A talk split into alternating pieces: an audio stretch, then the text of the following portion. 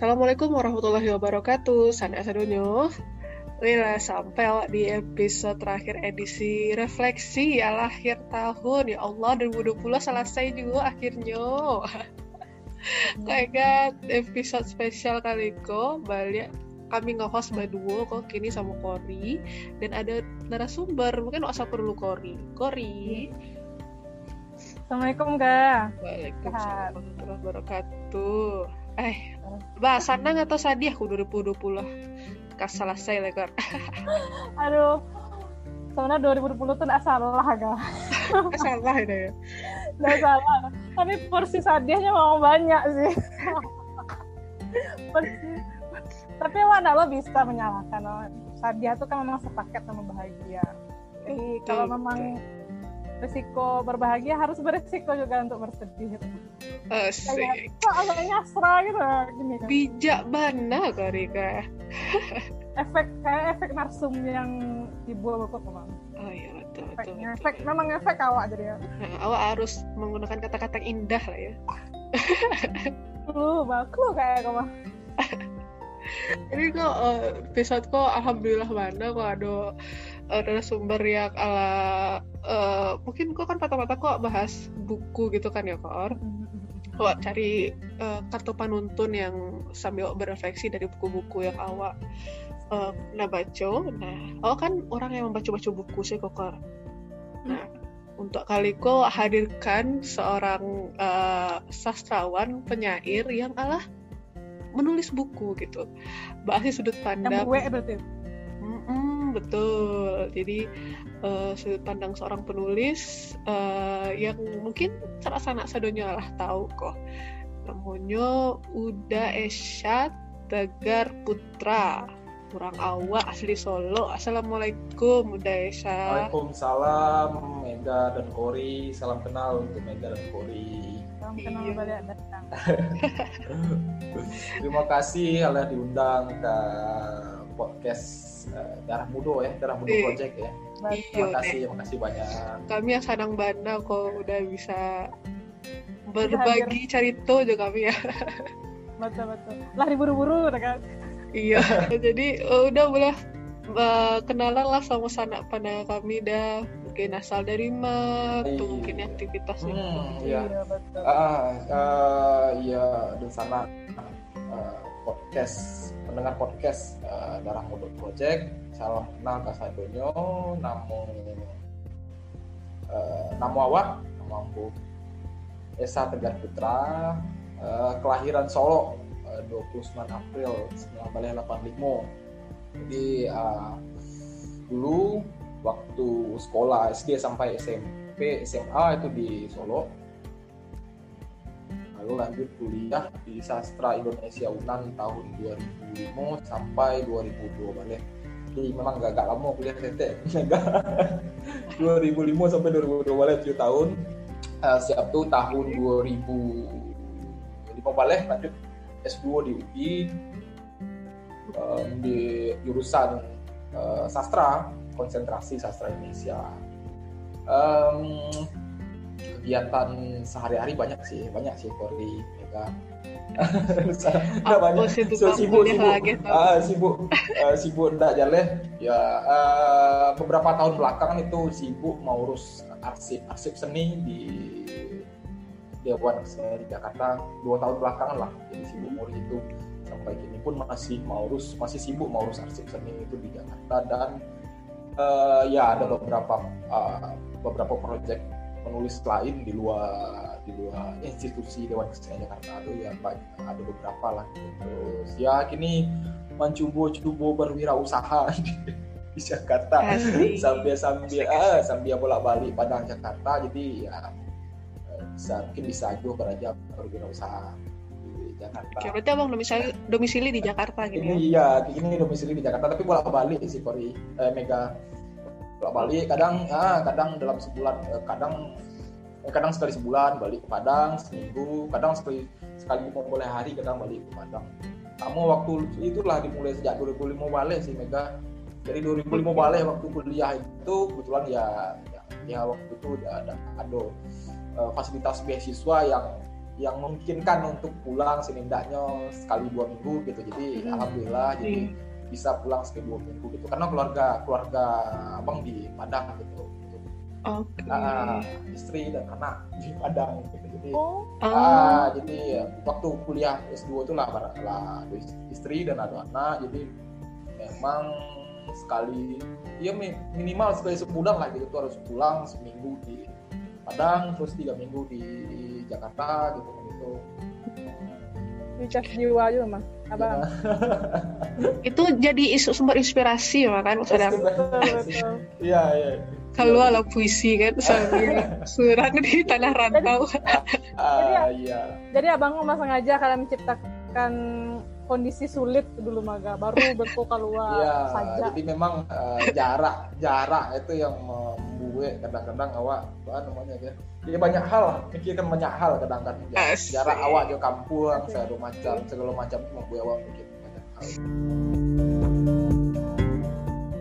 Banyak itu bang, kan kami buka wiki kembangan. Ah, ah, ah. Lebih suka dibilang penulis, Eh, kawan, akademisi, atau apa bang? Karena eh, penulis ya, penulis. Penulis sih Kor, ah, Kori, penulis mungkin sih Kori. Waktu ya, waktu itu sempat jadi wartawan waktu di haluan. Jadi waktu kuliah sekitar 2000 2010-an itu jadi menjelang masuk-masuk uh, piakan nasipan di kampus itu piakan nasipan lima tahun. Jadi waktu itu itu uh, ya sambil sambil itulah gitu. Uh, sempat menjadi wartawan di haluan itu. Sekitar uh, sampai tamat sih. Hampir hampir dua tahunan gitu di haluan gitu haluan Uh, jadi makanya kadang orang uh, di, di di KTP pun masih wartawan sih karena ndak do profesi penulis ndak do waktu itu di KTP gitu jadi oh, sampai serius bang?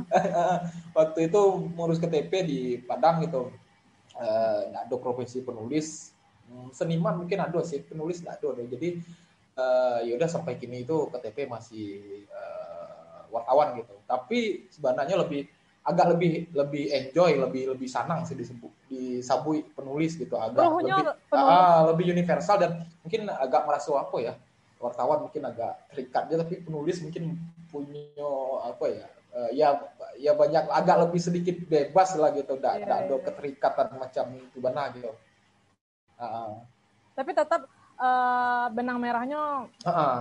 kata kata ya nulisnya tetap terus kata-kata dan dengan terus menulis gitu. Baik wartawan penulis masih tetap hubung- hubungannya ke sinan gitu.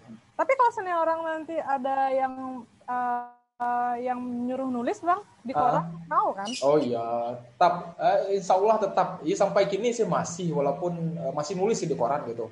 Khususnya koran-koran di Padang eh, masih gitu walaupun ya ndak ndak ndak ndak acok mode dulu eh, mode waktu kuliah. Itu kadang-kadang itu Tio Sawanta itu nulis banyak Iya. banyak hal yang ditulis gitu. Tapi kini memang agak jarang eh, karena banyak banyak ya mungkin bisa buat project gitu project-project yang menyita waktu tetap project itu tetap dunia menulis gitu tapi ya project itu yang menyita waktu untuk kadang-kadang untuk tidak bisa lagi menulis di koran gitu.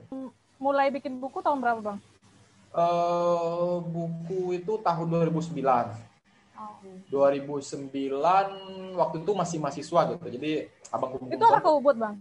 Eh, ah 2009 tuh pas tahun 2000 2009 itu Pertama kali bikin buku langsung ke Ubud. Ah, jadi waktu itu ya Sesuai karena modal modalnya itu gitu, modalnya buku gitu. harus bu- Oh. nulis buku dulu ya Eh, Waktu itu iya iya iya kalau nggak salah harus kalau nggak salah harus punya buku gitu. Jadi se- diseleksi sih diseleksi buku. Caranya bang masuk Ubud? Kalau dulu dulu agak beda jadi gini. Ah. Dulu tuh persaingan agak ketat gitu. Jadi ya awak merasa tersanjung dulu waktu ya dulu kan. Kalau kini ah, ah. kini bukan bisa ketat cuman eh, dulu tuh banyak banyak saingan kan setiap tahun otomatis saingan tuh berkurang kan karena dari sekian ratus orang yang mengirimkan eh, formulir dan karyanya di situ diseleksi akhirnya kurang itu. Eh, waktu itu ya mungkin oh, ya abang berusaha mengirim tulisan yang yang yang yang eh, ya se- semaksimal mungkin lah gitu tulisan yang ada dikiriman diseleksi di situ dan lolos gitu itu saja jadi eh, ketika orang tanya waktu itu tahun 2009 nang eh, masih kuliah dek bisa gitu sedangkan kadang-kadang ada orang yang lah lah bertahun-tahun nulis waktu itu tetap tidak bisa kubut ya bah, ya mungkin Itu ya, dulu tuh bang cerpen, kumpulan Ah, puisi. puisi, puisi waktu itu Oh, gitu. puisi. Ya, tapi ada kawan-kawan yang tahu di tahun abang tuh ada yang ada yang cerpen, ada yang novel yang ikut, Oh. yang yang Oh, ikut bisa itu Bisa, bisa. Bahkan ada ada catatan perjalanan kadang-kadang kan ada Oh. yang ah, jadi banyak banyak sih waktu itu yang yang diseleksi waktu itu gitu. Ada sekitar 15 lima, lima balai penulis lah gitu. Lima balai penulis yang diseleksi waktu itu. Jadi per daerah gitu ya bang? Hmm, di kalau disabui per daerah enggak aja dong gitu. Jadi memang diseleksi seluruh Indonesia gitu, orang mengirimkan gitu. Jadi nggak ada Jadi- patokannya harus per daerah Ah. berapa atau enggak? Nah, enggak enggak harus ado, enggak enggak enggak, enggak eh, beda-beda sistemnya. Nyo, eh, memilih sih kayak seandainya waktu itu kalau enggak salah di Sumbar malah dua gitu, daerah lain malah enggak ada gitu. Jadi eh, iya, Abang ada senior Abang waktu itu juga mengirimkan tulisan jadi nyo lolos berdua aja Abang gitu dari dari Sumbar. Memang disebutnya dari Sumbar walaupun secara kadang ada da- perwakilan daerah lain yang enggak lolos gitu, Iya, enggak iya. masalah sih waktu itu. Hmm. Oke, nah bang, kal abang kan eh, buku-buku yang menerbitkan kau buku puisi ya bang ya? Iya, kebanyakan puisi. Banyak kan eh, kumpulan puisi kayak ada pinangan orang ladang. Tadi yang pertama ya bang ya? Ah, iya Pinadang pertama siap tuh Hmm. tahun 2000 atau 2000 ya 2005 balik itu ada eh, Ini dalam dalam dalam lipatan. lipatan kain Hmm. 2006 2006 balik itu ada Sarina terus yang terakhir itu Terbaru yang tuh, yang Bang. terbaru terbaru terakhir yang terbaru itu tahun 2020 eh, itu ada setelah gelanggang itu itu yang diterbitkan Samodra Sindo di Jakarta gitu Sedap. Nah, dari kumpulan-kumpulan puisi bang, apa sih pasan yang yo abang sampaikan ke pembaca bang? Hmm. Eh, ba- banyak hal sebenarnya Mega gitu. Karena Hmm. memang abang menulis banyak hal. Eh, khususnya abang kan kebanyakan itu menulis dalam langgam langgam bahasa Minang ya Mega ya. Jadi Iya. memang eh, abang merasa eh, prosedur bahasa Minang abang eh, mungkin bukan abang segitu tapi eh, yang awak sadonya gitu. Model-model berbahasa awak di keseharian di Minang itu kan banyak hal-hal yang dekat sebenarnya dengan sastra gitu kadang awak mengungkapkan sesuatu itu kadang enggak enggak enggak dengan enggak langsung tepat men- eh, langsung tepat pada tujuannya kadang-kadang eh, awak Ah, iya. tetap menyisipkan sesuatu di dalam dalam ya mungkin kalau orang Minang menyebutnya kiasan segala macam gitu kan Iya. tetap awak kan kalau eh, sagan awak ke orang itu kan buat nama ngecek langsung kayaknya oh, ada eh, ada modeko gitu iya betul. ndak suko Eh, ya mungkin Uh-uh. dalam ungkapan tak suko ndak suko sih ke orang caro ketika orang Minang eh, berdialog de- satu dengan yang lainnya itu inyo mengungkapkan ndak suko sih mungkin inyo ndak langsung ngecek ndak suko gitu tapi itu hal-hal yang ke, yang ke, yang yang yang ketek baru mungkin dari dari dari eh, model pengungkapan bahasa Minang itu yang yang sebenarnya banyak banyak akan akan lebih gampang ketika ini diaplikasikan ke dalam bentuk sastra gitu Omega gitu. Karena memang awak lah biasa dengan eh, di Minang mungkin awak biasa de, dengan kata-kata mungkin modal modal paling gadang mungkin kata-kata ya. Kalau awak dado dado aksara memang eh, kebudayaan kebudayaan awak memang terbentuk dari dari dari itu dari kata-kata gitu. Dari dari hal-hal yang yang yang semacam kata-kata lah gitu Eh, jadi ya itu itu sebenarnya eh, yang abang sampai nih banyak banyak banyak hal sih Eh, waktu ya waktu nulis waktu nulis final ladang tuh mungkin banyak abang menceritakan persoalan hubungan personal seseorang dengan orang lainnya gitu misalnya Oke. eh, kerinduan akan sesuatu segala macam gitu yo waktu itu masih masih masih yo anggaplah muda masih waktu-waktu kuliah itu.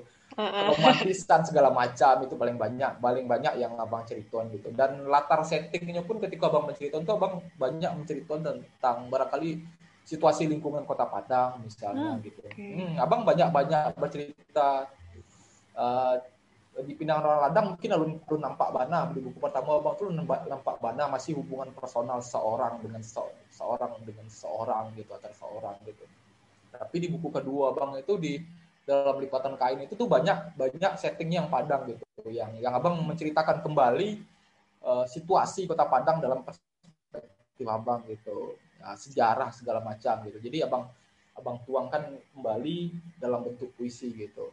Nah itu seterusnya. Sampai sekarang ketika abang pindah uh, ke Depok atau atau ke Jakarta pulang bolak balik di Jakarta tahun 2005 balik waktu kuliah itu itu yeah. suasana suasananya pun berubah gitu. Jadi kadang abang menceritakan tentang bagaimana perspektif abang sebagai orang Minang misalnya uh, melihat Jakarta gitu Bahwa okay. abang melihat Jakarta, melihat Minang ataupun melihat Sumatera Barat, melihat kampung uh, dari perspektif Jakarta. Gitu. Kadang-kadang abang memposisikan diri abang misalnya sebagai orang kampung yang datang ke Jakarta dengan segala sesuatu, dengan keragaman uh, ya macam-macam lah gitu. Jadi abang menggunakan perspektif itu terkadang gitu uh, untuk membuat sebuah karya uh, melihat Jakarta gitu. Itu banyak banyak banyak banyak sekali sih di di, di puisi abang gitu. Abang merasa bahasanya ketika awak pindah ke dari satu tempat ke tempat lain situasinya berubah perspektif awak pun berubah gitu. Misalnya hmm. ketika awak melihat kampung di awak membicarakan kampung di kampung itu jauh sekali perspektifnya ketika awak membicarakan kampung awak berada di rantau gitu. Itu itu sungguh sangat jauh sekali. Walaupun terkadang uh, terkadang mbak ya uh, kadang raso raso sentimen waktu muncul terkadang sentimental waktu muncul ketika waktu di rantau gitu. Wah merasa kok kejadian-kejadian di kampung kok uh, hal-hal yang itu gitu aneh gitu atau segala macam gitu. Kok kampung kok udah harus mau itu? Kadang-kadang sentimental waktu kan muncul gitu. Kok kampung kalau berubah gitu Nah, padahal ketika awak di kampung situasinya pun mau itu sebenarnya kan gitu. Tapi awak uh, tapi ketika awak datang ke rantau gitu perspektif awak sebenarnya berubah mencari kampung gitu. Kadang awak awak lah merasa apa ya orang orang dalam yang berada di luar membicarakan di dalam gitu. Kalau di dalam awak mungkin agak lebih protektif kan. Tapi di luar protektifnya itu beda gitu. Awak mencarinya itu dengan dengan kacamata yang berbeda gitu. Jadi itu yang acok abang, abang rason gitu kan Eh, kadang abang malah merasa enjoy sih lebih senang gitu kadang menulis di kampung gitu. Uh, iya bang? uh, iya kadang karena abang merasa kok abang terkadang ketika abang berada pokoknya di Jakarta gitu ketika abang menulis segala sesuatu tentang kampung gitu kok abang merasa mencari mencari ayo mencari daratan dari ente enggak geladak kapal gitu misalnya gitu. Kan mencari jauh gitu. Kalau kecil orang uh, mungkin uh, mencari seorang dia teh dari dari Monas atau dari dari dari dari itu segala macam lah. Kira mau itu gitu. Kadang uh, apa ya uh, ada raso raso berjarak wah rasonya gitu. Tapi terkaan tapi di satu sisi berjarak pun itu pun menurut abang bagus gitu. Hmm. Wah, agak lebih itulah agak agak lebih perspektif mungkin agak agak lebih tidak uh, tidak bias mau di kampung gitu agak lebih luas berbeda. pandangan. Ya, ya agak perspektif mungkin akan berbeda ketika berada di luar gitu. Tapi yang di satu sisi kadang bang merasa enjoy mungkin merasa kadang kangen mungkin menulis menulis dengan situasi di kampung di Padang gitu kan. Ya tapi ya masuk lah berubah gitu wah, harus berangke ya hmm. itu gitu. Nah, wah memang uh, kini harus mencari kampung dari perspektif uh, dari jauh lah gitu kayak, kayak gitulah. Memang tarikan-tarikan mode itu tuh yang coba cali gitu lah. Uh, yang abang rason gitu ketika menulis uh, tentang kampung di rantau gitu kan. Kadang memperbandingkan malah abang memperbandingkan kampung dengan rantau gitu. Udah abang sampai hariku masih merasa dan masih nyaman sih menjadi orang kampung sebenarnya dengan tiga di rantau gitu aja. Nih hmm. gimana ya uh, merasa lebih nyaman pokoknya gitu uh, nggak masuk seluruhnya menjadi orang orang orang Jakarta. Dalam artian ah ya orang Jakarta lah khususnya gitu. Tidak masuk iya. keseluruhan. Jakartanya. Uh, ya kadang-kadang kan ada loh orang yang merasa ya sah-sah saja sah-sah sah saja sih orang yang merasa harus menjiwai Jakarta dengan sepenuh hati misalnya anak-anak muda banyak gitu kan.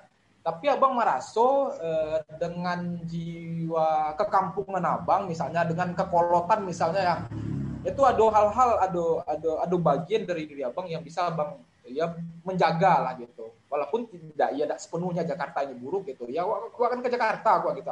Tapi ada hal-hal Rasa uh, tidak aku gosip ini enggak enggak enggak misalnya uh, enggak gitu salah bang.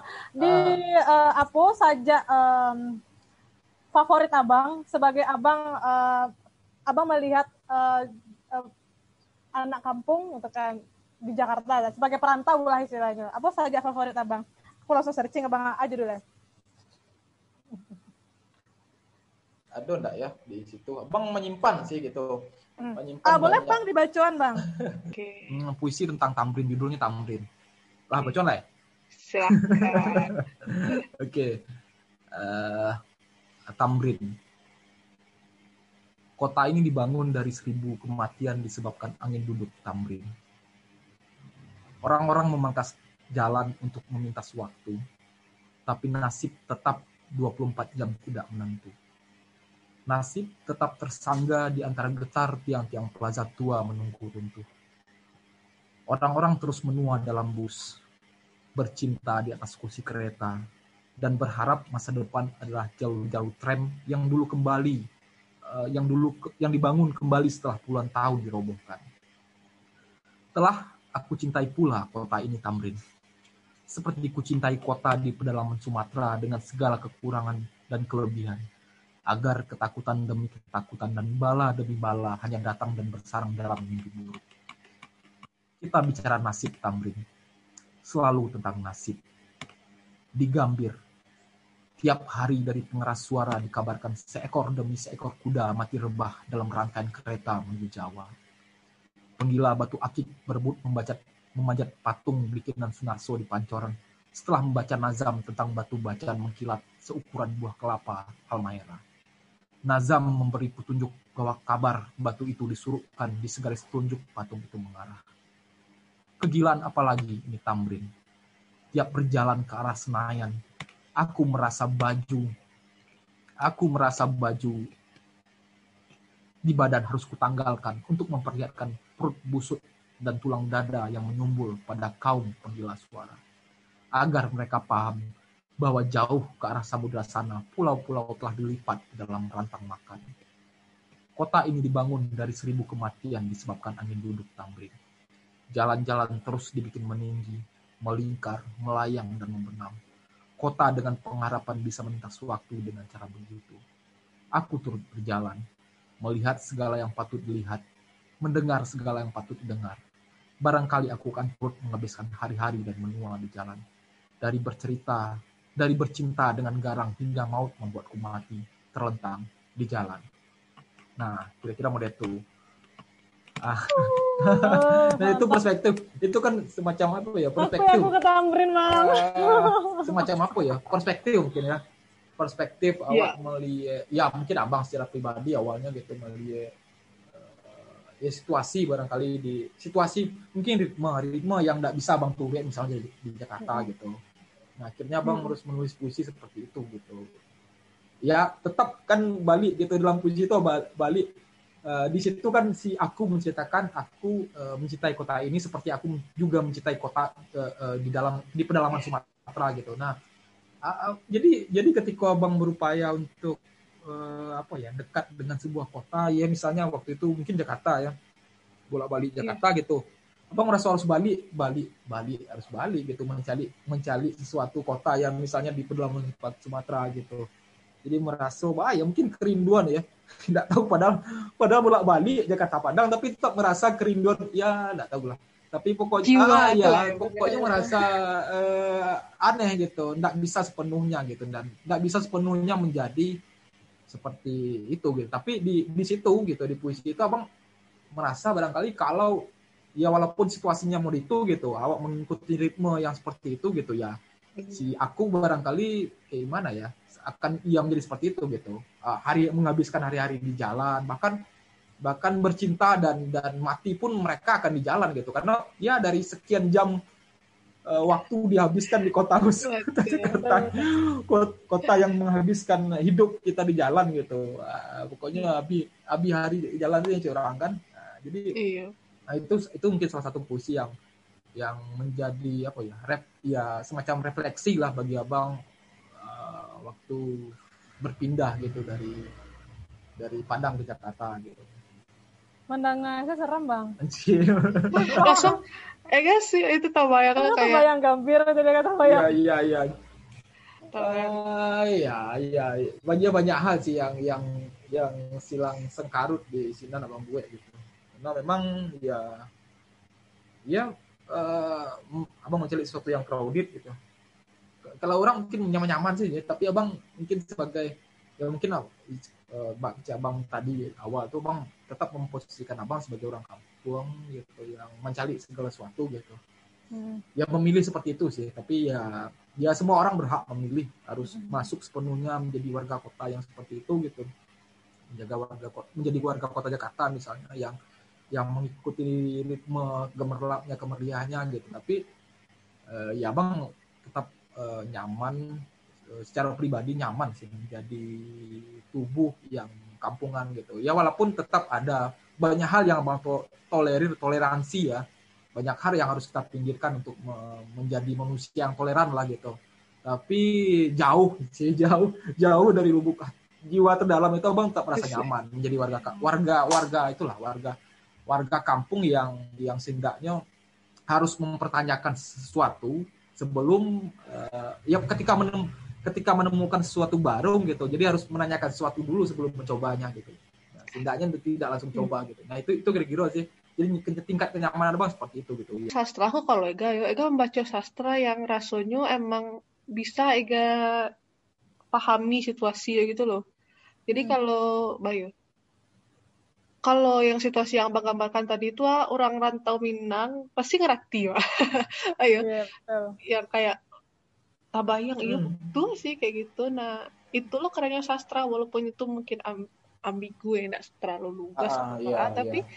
atmosfer itu tabayang gitu hmm. dan uh, kata-katanya tuh hmm. yang membawa kadang kadang kadang mega orang menyabui nya tidak mengerti itu gitu tidak mengertinya ketika misalnya mau baca puisi gitu atau kalau kalau cerpen atau novel mungkin agak, agak lebih jale bahasanya ya iya.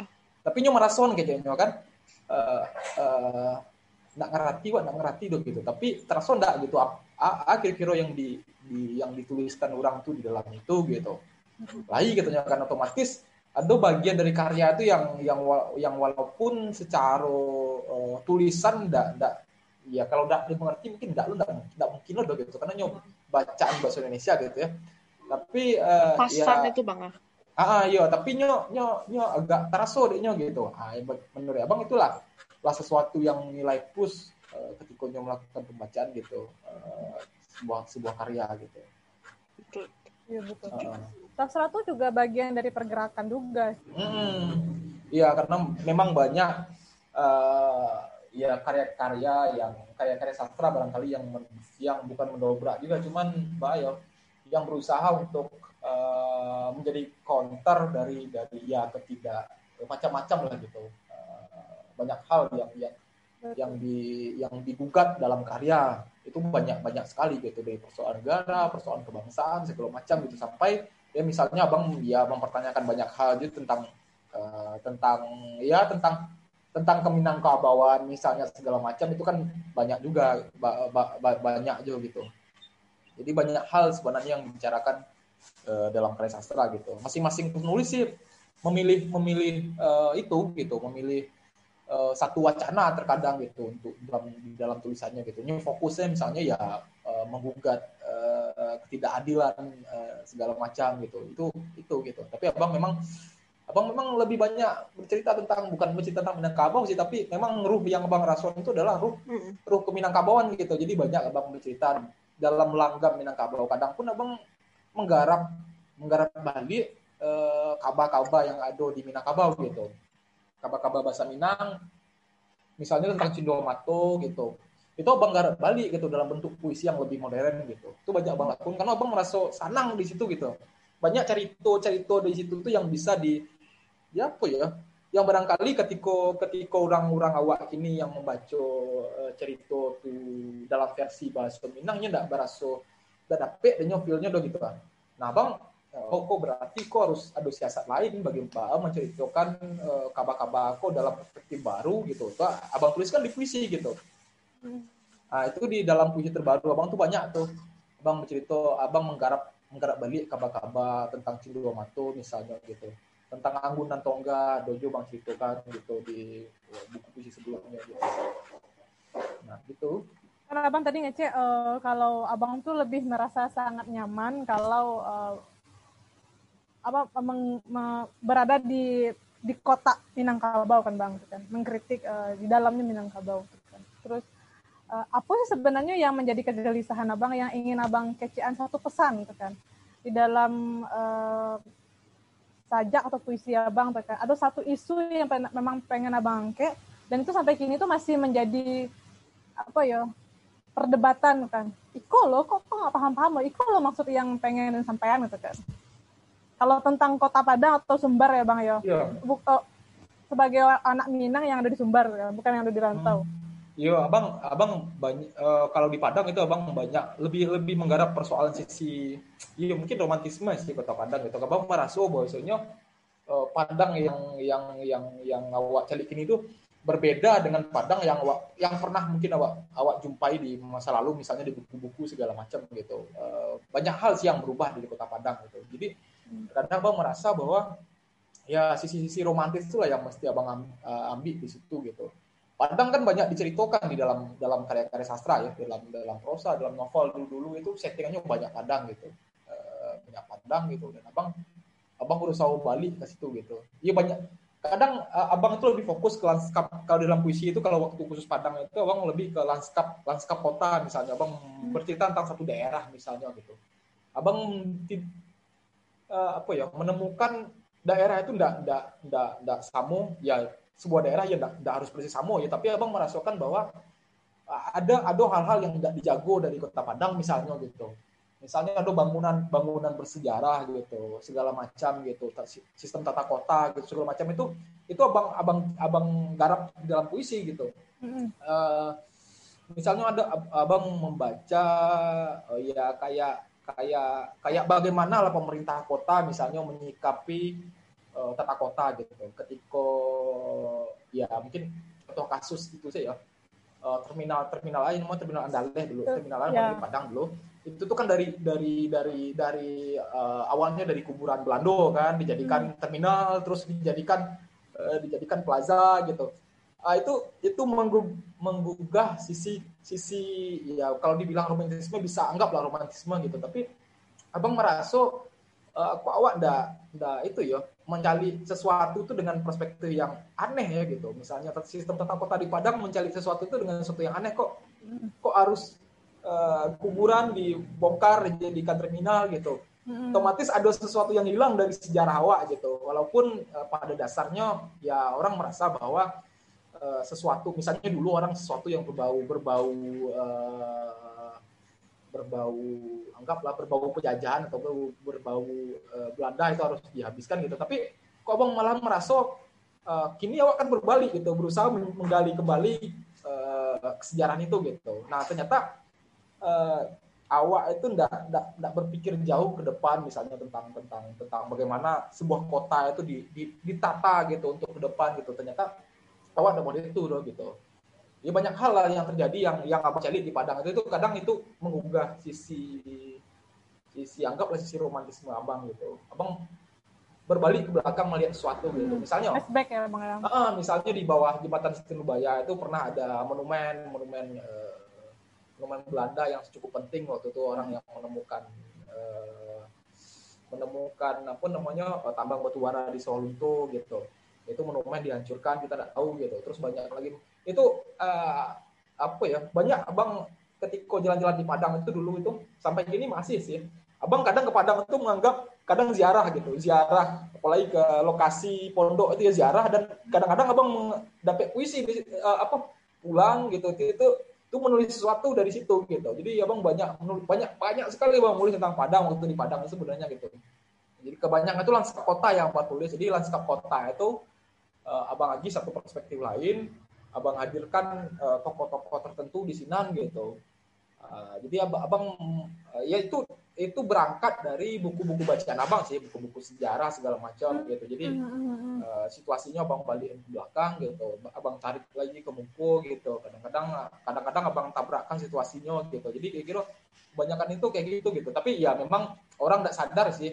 Ketika abang menulis tentang Padang, orang menganggap uh, ya ya hanya sekedar tulisan biasa gitu. Padahal abang berpikir uh, berpikir awak menulis itu gitu. Berpikir awak uh, sedang merekonstruksi ulang ah ya ya ya barangkali barangkali bisa dikatakan sedang merekonstruksi ulang gitu. Ingatan awak akan sesuatu gitu. Betul betul hmm. tambah lo kini sumber sejarah tuh juga sekete nah bang ah, ah ya jadi uh, kayak gitu sih kalau abang nulis tentang Padang itu abang nyaman sekali gitu. Dulu itu nyaman sekali nulis tentang Padang karena abang merasa ya sangat dekat dan sangat mencintai kota Padang gitu. Entahlah awak padahal awak orang Solo gitu tapi yeah, yeah, yeah. tapi lah bertahun waktu sejak kuliah gitu ya mungkin banyak perasaan segala macam ya waktu betul, kuliah betul. di situ gitu. Jadi awak merasa dake kota Padang. Bahkan kini pun abang merasa apa ya entahlah mungkin uh, kenyamanan ya. Tingkat kenyamanan atau bah gitu. Tapi lebih nyam, merasa nyaman sih uh, tinggal di Padang itu gitu Berarti kalau abang jadi perantau kan gini apa di Depok? ah, kan? ya. Otomatis uh, inspirasinya tuh tercabut gitu loh bang. Tercabut dalam artian hmm. uh, uh, apa medianya uh, jauh gitu loh bang. Yang menjadi inspirasi justru um, apa sih namanya uh, diri surang sebagai identitas sebagai orang Minang kan terus melihat uh, ada ruh orang Minang yang yang ada di kota akhirnya per, itu jadinya bang. Beda lagi berarti inspirasinya kalau jadi nah, kadang abang kadang-kadang abang praktikan cara yang abang abang uh, coba di Padang tuh abang praktikan di sampai yang baru. Misalnya Depok gitu. Abang berusaha belum mencintai ya enggak belum mencintai itu mempelajari kota gitu mempelajari sejarahnya. Karena tinggal di sini gitu ya. Nah abang mencoba mempraktikkan itu gitu. Depok pun banyak abang tulis gitu. Malahan sampai kini kadang ketika abang ke radio misalnya kan abang kan ke radio di Cikini itu Cikini gitu. Hmm. tapi abang lebih merasa nyaman di Depok abang bolak balik Depok Cikini gitu hampir setiap hari gitu. Karena uh, ya pokoknya ketika perpindahan itu gitu pasti ya pasti banyak orang merasa ya perpindahan itu membuat awak ya anggap lah kata orang sini itu galau gitu. Ada yang berubah ketika awak pindah dari sebuah tempat ke tempat lain gitu. Itu situasinya berubah kondisinya berubah gitu perspektif awak pun berubah gitu. Nah itu sebenarnya gitu. Nah itu itu menjadi tantangan sebenarnya ya. Kadang itu menjadi batu sandungan, tapi itu tantangannya untuk menulis gitu. Karena uh, penulis itu kadang jadi kebanyakan ya, bang nggak tahu sih persis. Tapi yang abang rasakan, abang merasa nyaman menulis di sebuah daerah gitu. Ketika abang nyaman di posisi itu gitu, uh, awak pindah ke daerah lain ke kamar selah, kamar selah gitu. Pasti awak mempunyai tempat favorit misalnya untuk merenung, anggaplah merenung gitu ya. Apalagi untuk menulis gitu. Ketika berpindah dari satu kamar ke kamar lain itu suasananya berubah. Situasinya berubah, suasananya berubah gitu. Itu mood awak pun berubah gitu. Nah, nulis kayak mode-mode itu gitu. Terus mode abang merasa uh, pindah dari Padang ke Depok itu situasi berubah. Tapi abang coba tetap abang coba untuk tetap mengambil perspektif yang model itu gitu. Oh, berarti awak harus mencintai, harus dekat dulu dengan kota ini, baru awak bisa menulis di sini gitu. Nah itu kira-kira gitu. Karena nah, mungkin aliran abang, aliran abang, alirannya memang sejarah betul. Nah, ya terakhir itu abang menulis mencoba yang paling yang paling jauh itu terakhir 2018 gitu. Mm-hmm. Uh, 2000, 2018 itu abang menulis tentang Sarajevo itu di Sarajevo di Bosnia gitu. Nah itu yang paling paling tingkat kesulitannya itu yang paling tinggi. Waktu itu kan ada abang dapat residensi ke situ kan, abang memilih itu gitu, uh, memilih itu dan abang berupaya untuk uh, me menulis uh, Sarajevo misalnya dari dekat gitu. Awak orang luar membaca sebuah kota yang yang yang yang barangkali baru awak kenali gitu dan hanya awak kenali di buku-buku di sejarahnya gitu. Ini awak nulis tentang itu gitu Nah itu perspektif itu abang tarik pulau gitu, bah, bah ya, berarti awak harus menjadi bagian dari kota itu dulu sampai baru bisa awak uh, apa ya dekat menulis secara dekat tentang sampai itu gitu. Nah itu kira-kira yang yang sejauh itu abang rasa. Sanak sadonyo, Ota sama Bang Esa belanji di episode sudah kok, episode Salam Jalan 2020 oh, ba Bang Esa berefleksi 2020 kok yo ya sana di episode sudah kok Assalamualaikum warahmatullahi wabarakatuh